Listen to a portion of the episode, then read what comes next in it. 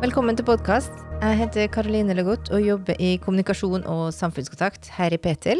I dag har vi med oss Kristin Kragseth, som er eh, CEO for Vår Energi, og skal om ikke så altfor lenge bli sjefen for Petoro. Velkommen. Vi kan jo kanskje starte litt med å du forteller litt eh, hvem er Kristin Kragseth sånn? Eh, jeg er Kristin, og jeg leder Vår Energi. Det er jo da et norsk olje- og gasselskap vi er nest størst på sokkelen. Eh, vi har eh, operasjoner fra helt i sør til helt i nord. Hovedkontor på Forus, men en flott avdeling i Oslo og i Hammerfest. Men hvem er jeg? Jeg er en mariningeniør til å begynne med, hvis vi snakker om, om, om, dette med industrien som jeg er i. da. Som begynte arbeidet mitt i 92 Exxon ExxonMobil. Så jeg har hatt masse forskjellige kjekke utfordringer i Exxon opp gjennom årene. For det meste i drift. Eh, også veldig mye innenfor eh, helse, miljø og sikkerhet. Eh, så forskjellige veier har da ført til at jeg endte opp i stolen som CEO i vår. Ja. Men eh, så tenker jeg òg at når du spør hvem er Kristin, så er det jo veldig lett å si jo, jeg er CEO i vår, men, men som mennesker så er vi jo veldig mye mer. Ja. Eh, og det er den pakken som gjør at eh, du, du, kan gjøre en god jobb på jobb, at du har det kjekt sånn eh, med alt å holde på med. Så jeg er jo også en mor til to flotte unger, og jeg er en venninne, og jeg er en datter og en søster og alt dette andre. Så, så jeg, jeg, er nok mer enn bare eh, ja, det vi skal snakke om i podkasten. Ja. Og det, har du vært i Stavanger siden 92 år, eller? Ja, jeg, eh, jeg, er jo fra Bergen. Mm. Jeg er veldig stolt av det. Eh, jeg har kommet til Stavanger i 92 og tenkte at jeg kunne være her et år. Ja. Og her ble det. her ble jeg, vet du. Jeg fant jo ut at uh, det vi holder på med i denne næringen, det er utrolig kult. Mm. Masse flotte mennesker. Og så er jo uh, Stavanger-regionen et veldig fint sted å, å, være. En passe stor by nær til sjø og nær til fjell. Og et fint sted å være. Ja. Var det oljenæringen du starta i, sånn første, din første jobb, eller? Ja, jeg var på uh, ett jobbintervju hos SO Norge den gangen. Ja. Eh, og jeg husker, jeg var jo student i Texas, jeg gikk på Texas A&M. Og så fikk jeg eh, intervju hos Esso, og det var jo stort. Ja. Og olje og gass visste jeg egentlig ikke så veldig mye om, annet at jeg hadde en eh, eh far til noen venninner jobbet på Ekofisk, så jeg hadde et lite forhold til det. Men eh, jeg troppet jo opp på kontoret i SO i eh, amerikansk outfit, i suit og høye hæler. Og jeg tror jeg måtte gjort et uslettelig inntrykk på de som jeg intervjuet, som ikke skjønte helt hvem jeg var, tror jeg. Men jeg fikk nå jobben, og så siden ble jeg ja. ja, men det var et godt tegn. 2021. Hvordan vil du karakterisere bransjens arbeid nå eh, med sikkerhet nå når vi går inn i det her året? Ja, eh, jeg tror egentlig ikke at det har vært så mye som har endret. Eh, sikkerhet og integritet det er i ryggraden på alle oss som jobber i denne næringen. Så, så fokusen har og vil alltid være på sikkerhet. Jeg pleier å si at det er ingen jobb som er gjort godt hvis den ikke er gjort sikkert. Eh, og, og, kanskje spesielt i disse tider som vi er nå med korona, der folk begynner kanskje å bli litt slitne og lei av hele dritten, for å si det sånn, mm. så er det å holde hodet fokusert på hver eneste oppgave hver eneste dag, uh, uansett om du er toppleder eller om du er ute på, på feltet, det er, det er og forblir viktig. Hvordan klarer vi å få det til? Ja. Når du er litt inn på korona her, hvordan tror du det har påvirket dere i Vår Energi, altså økonomisk, sikkerhet, arbeidsmiljø?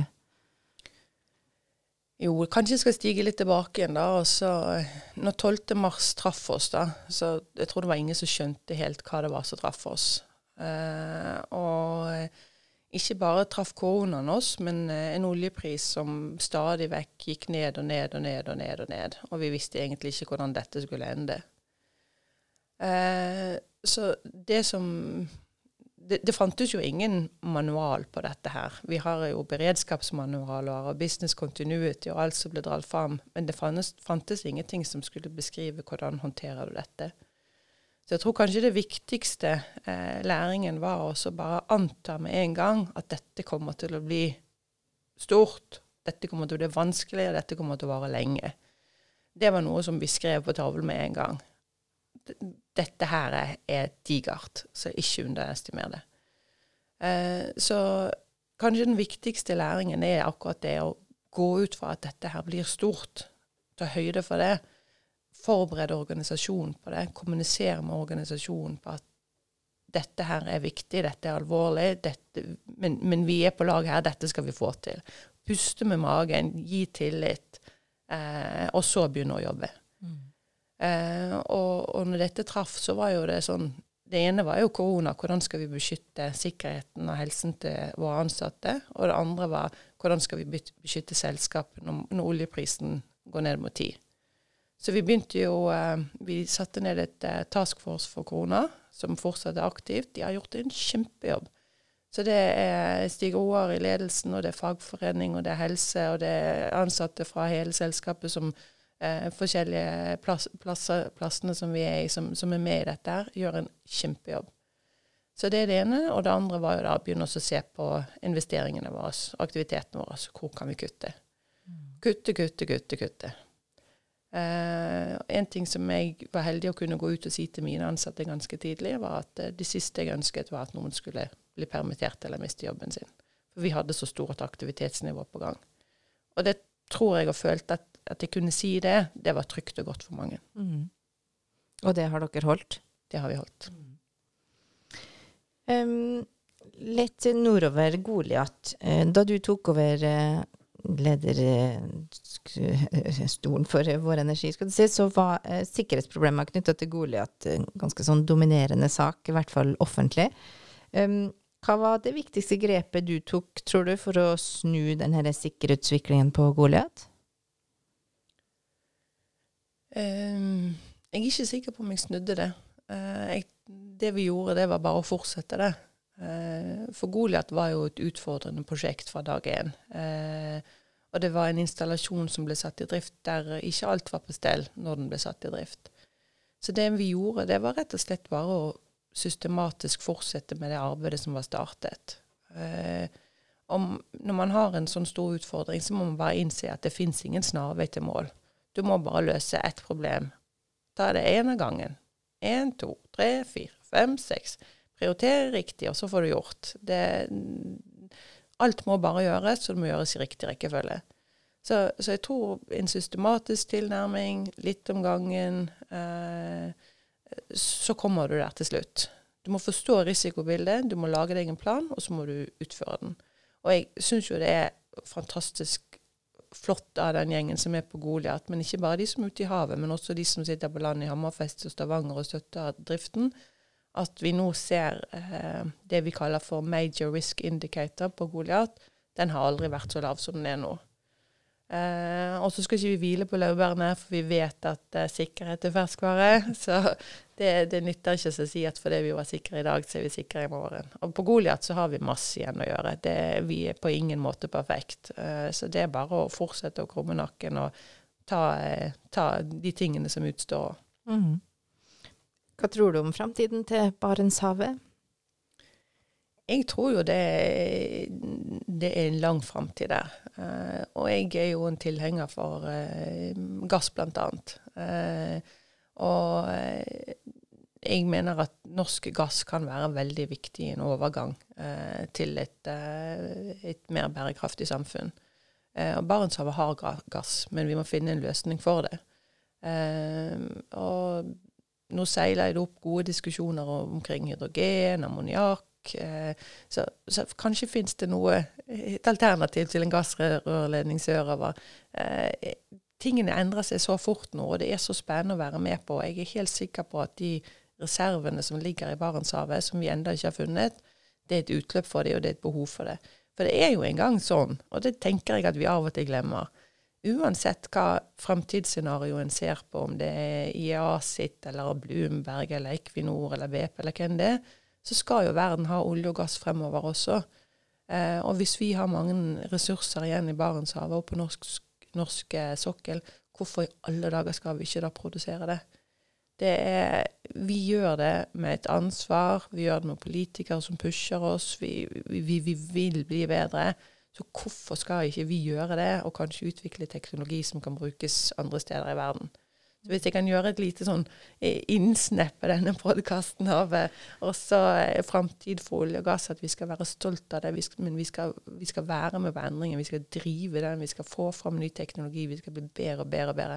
For du vet sikkert dette her, men det er jo sånn at 95% av reservene av olje og gass i verden, de er i ikke-demokratiske land, sånn som Venezuela og Russland.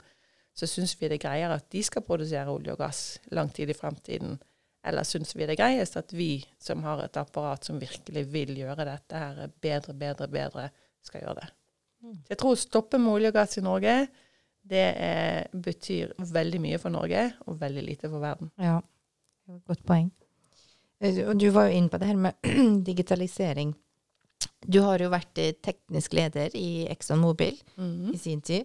Hvordan vil du si at den tekniske utviklinga har vært? F.eks. Altså digitalisering, det som går på sikkerheten. Har du noen tanker rundt det? Det har vært enorm. Det har vært enorm. Jeg husker når jeg, når jeg begynte Jeg reiste offshore, jeg var feltingeniør til å begynne med, og var veldig stolt, for jeg fikk ta med den ene bærbare PC-en vi hadde, og den veide tolv kilo. Så, og jeg husker eh, Janne og gjengen i leteavdelingen de hadde papirruller på gulvet der de lå og fargela eh, undergrunnen i seismiske kartene. Så den veien vi har flyttet oss Nå følte jeg meg plutselig veldig gammel. den veien vi har gått fra, fra, da til nå, der vi kan sitte på mobilen vår og se på produksjonen på Goliat eh, og se på trykket på en eh, separator og se på hvorfor sånn og hvorfor sånn, det er jo, det er jo kvantesteg. Det er så kult. Mm.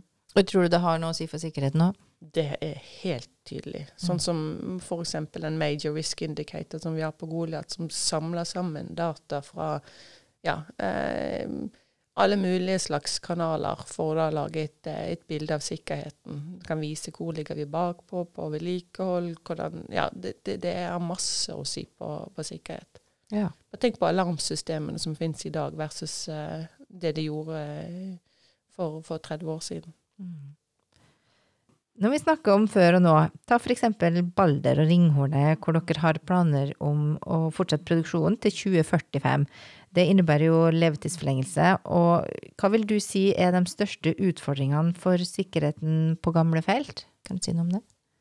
Ja, det kan jeg kanskje først si litt bare i oppfølging av dette med digitalisering og teknologi. Eh, Balder er jo lisens 001, første lisensen på norsk sokkel. Eh, første brønn der ble båret i 67. Eh, og med Exxon så hadde vi jo tenkt oss å stenge dette feltet ned i 25, for vi mente at da var det tomt. Men så er det jo fantastisk ny teknologi, 4D-seismikk, læring av feltet, som gjør at vi ser at her er det mer i undergrunnen. Eh, og det er jo et kjempeeksempel på hvordan ny teknologi gjør at vi kan utvinne mer reserver fra eksisterende felt.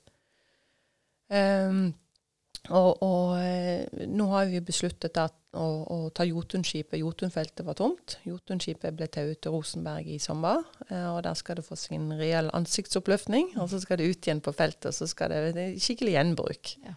Eh, og, og um, eh, ja, viktig for det feltet der er jo selvfølgelig også sikkerhet. Eh, jeg tror jo så lenge vi har kontroll på tilstanden på installasjonene, om de er unge eller gamle, så, så, kan vi klare å operere sikkert. Men vi må ha god, god oversikt. Vi må ha god oversikt på vedlikehold. Vi må ha god over, ja, Rikets tilstand må vi skjønne. Eh, og, og, da tror ikke jeg er noe problem å få eldre felt til å, til å operere like sikkert som et, som et nytt felt. Hvordan blir det da når gammel skal du si, gammel teknologi møter ny teknologi. Er det et krasj, eller går det Ja, det, det er selvfølgelig utfordrende, men, men, men, det kan vi. Vi har oppgradert eh, Da, da det mye, går det gjerne mye på, på kontrollsystemer. Eh, kan du tenke deg på Jotunfeltet som ble satt i gang i 99, hva type mobiltelefon hadde du i 99? Mm. Ingen? Jo, jeg hadde en. Hadde du en? Ja. ja, det hadde vi også. En sånn svær bærbar en. Det stemmer, det. Men det var i hvert fall gammel teknologi. Ja. Så, så, det som vi gjør på mange av disse eldre feltene, er at i hvert fall på kontrollsystemene så tar vi det ut det gamle, og så setter vi inn nytt. For der har det vært gjort så, så veldig mye endringer. Mm. Eh, men en gammel ventil kan fungere like godt som en ny ventil. Så det er litt sånn avhengig av eh, hvilken type utstyr er det du ser på. Hva er det du må skifte ut, og hva kan du fortsette med, så lenge du vet tilstanden på det utstyret. Ja. Eh, du, vi går litt videre her. Du, du snakka tidligere om det med at du syns det var for en glede av å være på lag og lagfølelse. Og årets hovedtema er på lag med leverandørene. Altså vårt Petil sitt hovedtema. Um, hvordan jobber man for å sørge for god sikkerhetskultur i alle ledd, også til leverandørene dere har, som jobber på installasjonene deres? En ting som jeg mener er veldig viktig, det er å behandle alle likt. Uh, jeg blir glad og stolt når jeg kommer offshore og hører fra uh, leverandører i kaffebaren at uh, de syns det er så kjekt å være hos oss, og at de føler seg ikke noe forskjell på, på, på de og oss. Eh, så det tror jeg er utrolig viktig, at man, man eh, behandler hverandre likt og med respekt, uansett hva farge du har på, på kjeledressen din. Eh, og så eh, Det er jo nede på gulvet, da, men det gjelder egentlig oppover hele kjeden. Eh, jeg har veldig god dialog med lederne for de leverandørene som vi jobber sammen med, og snakker om eh, Snakker sammen. God kommunikasjon. Eh, på, på, alle plan, eh, spesielt på sikkerhet. Sist uke så hadde vi et veldig godt eh, sikkerhetsseminar sammen med alle underleverandørene til, til Rosenberg. Og dette er jo mange selskaper som vi ikke har jobbet med. mindre selskap her i, i, i, regionen som jobber for Rosenberg. Der vi brukte en, en, en ettermiddag til å snakke om sikkerhet. Hvorfor jobber vi sikkert? Hva gjør hver og en av oss for å jobbe sikkert? Så mye går på kommunikasjon og behandle hverandre med, med respekt. Og vi hadde ikke kommet langt uten leverandørene. Vi er helt avhengige av, eh, av det gode arbeidet som de gjør. Mm. Leverandørene gjør jo en veldig stor del av arbeidet på sokkelen, eh, spesielt i den spisse enden, og vår bekymring er at i dårlige tider så dyttes problemene utover i verdikjeden til leverandørene. Deler du den bekymringa? Det er i hvert fall noe vi skal være var på. Eh, og så igjen tilbake til at kommunikasjon er viktig. At eh, er, er, dette faktisk et, et, problem hos noen, så må vi, må vi snakke om det. Eh, vi har ikke gjort noen endringer på våre budsjetter når det gjelder vedlikehold, eh, f.eks. Eh, det vi snakket om å kutte når vi begynte å kutte for, fordi at oljeprisen gikk ned, det var mer type leteaktiviteter og ting som på en måte var optional. Men for oss er det ikke optional å kutte på noe vedlikehold eller sikker, drift. Um, men, uh, men, igjen, viktig med kommunikasjon. Hvis, hvis, det er bekymringer der ute, så må vi bringe det opp, så må vi diskutere det, så må vi finne ut av det. Mm. Vi i Petil har jo vært uh, veldig bekymra, ikke bare for leverandørene, men òg pga. det høye antallet hendelser og granskinger som har vært i 2020. Vi har starta 13 granskinger. Hva må vi gjøre for å snu denne utviklinga i 2021? Ja, eh, det går vel gjerne tilbake på noe av det jeg har nevnt eh, tidligere. At eh, eh, man må bare jobbe systematisk. Det er ingen snarvei til mål. Så hver eneste dag så må du tenke på sikkerhet i det lille og i det store. Og så må vi også bare innstille oss på at uh, det som jeg også sa tidligere, at uh, koronaen den er her for en stund. Uh, vi kommer til å måtte leve med begrensninger, og vi kommer til å være mentalt drittlei av dette her, hvis det er lov å si på en podkast. Ja. Vi, vi, kommer til å være, måtte innstille oss på at dette her sannsynligvis kommer til å vare en, en god stund enda. I en eller annen form eller farge så, så, så vil det være utfordringer med denne pandemien, sikkert gjennom en stor del av året. Så, så, det er på en måte bare OK, sånn er det, men ett steg av gangen. Jobbe systematisk i alt vi gjør. Eh, ingen snarveier. Og så tror jeg at vi kan klare å få til et eh, veldig godt og sikkert resultat også i 2021. Ja, det får vi håpe. Eh, noe vi i alle fall vet skal skje i 2021, er jo at du tar over som sjef i Petoro. Kan du si litt om hvorfor du takka ja mm. til å gå fra offensivt operatørselskap eh, til å lede en rettighetshaver? Ja, ja, det var et spørsmål jeg stilte meg mange ganger selv også. Um, Jeg har jo vært på en reise nå eh, i et operatørselskap siden det begynte i 92. Det har vært en fantastisk reise. Jeg har hatt det veldig, veldig kjekt. Eh, og hadde vel tenkt at eh, denne reisen skulle fortsette. Og så fikk jeg da en henvendelse om jeg kunne tenke meg det. Eh, og først så sa jeg nei, det Nei, nei, det, nei det Og så sa jeg vel nei, det tror jeg ikke. Og så eh, Ja, du kan jo tenke litt på det. Ja, det kunne jeg. Og så begynte jeg å tenke på det. Så tenker jeg hvor mange ganger i livet kommer jeg til å få en sånn mulighet? Til å lede eh, det som er ja, eh, en, en, en, eiendom som vi alle i Norge eier sammen. Eh, og prøve å gjøre det på aller, aller beste måte, sånn at det kommer til det beste for Norge AS.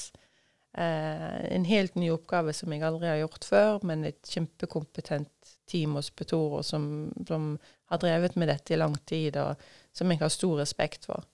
Så det var Jeg tror nok eh, Ja, jeg hadde ikke tenkt å gjøre det, men jeg begynte å tenke på hva mulighet jeg faktisk kunne få, at noen hadde lyst til å, å, å se meg i en sånn rolle, så syns jeg det var veldig spennende. Eh, Petoro er et selskap som jeg har respektert i lang, lang tid som har en utrolig viktig jobb i Norge. Og ja, jeg er ydmyk og stolt for at jeg skal få lov å lede dette her. Veldig bra. Det passer jo fint egentlig å runde av med det òg. Eh, så da sier vi tusen hjertelig takk for at du ville komme og være med, og lykke til i Petoro. Vi kan hende vi skal ha en ny podkast med Petoro-sjefen, vi får se. ja, tusen takk for at jeg fikk komme.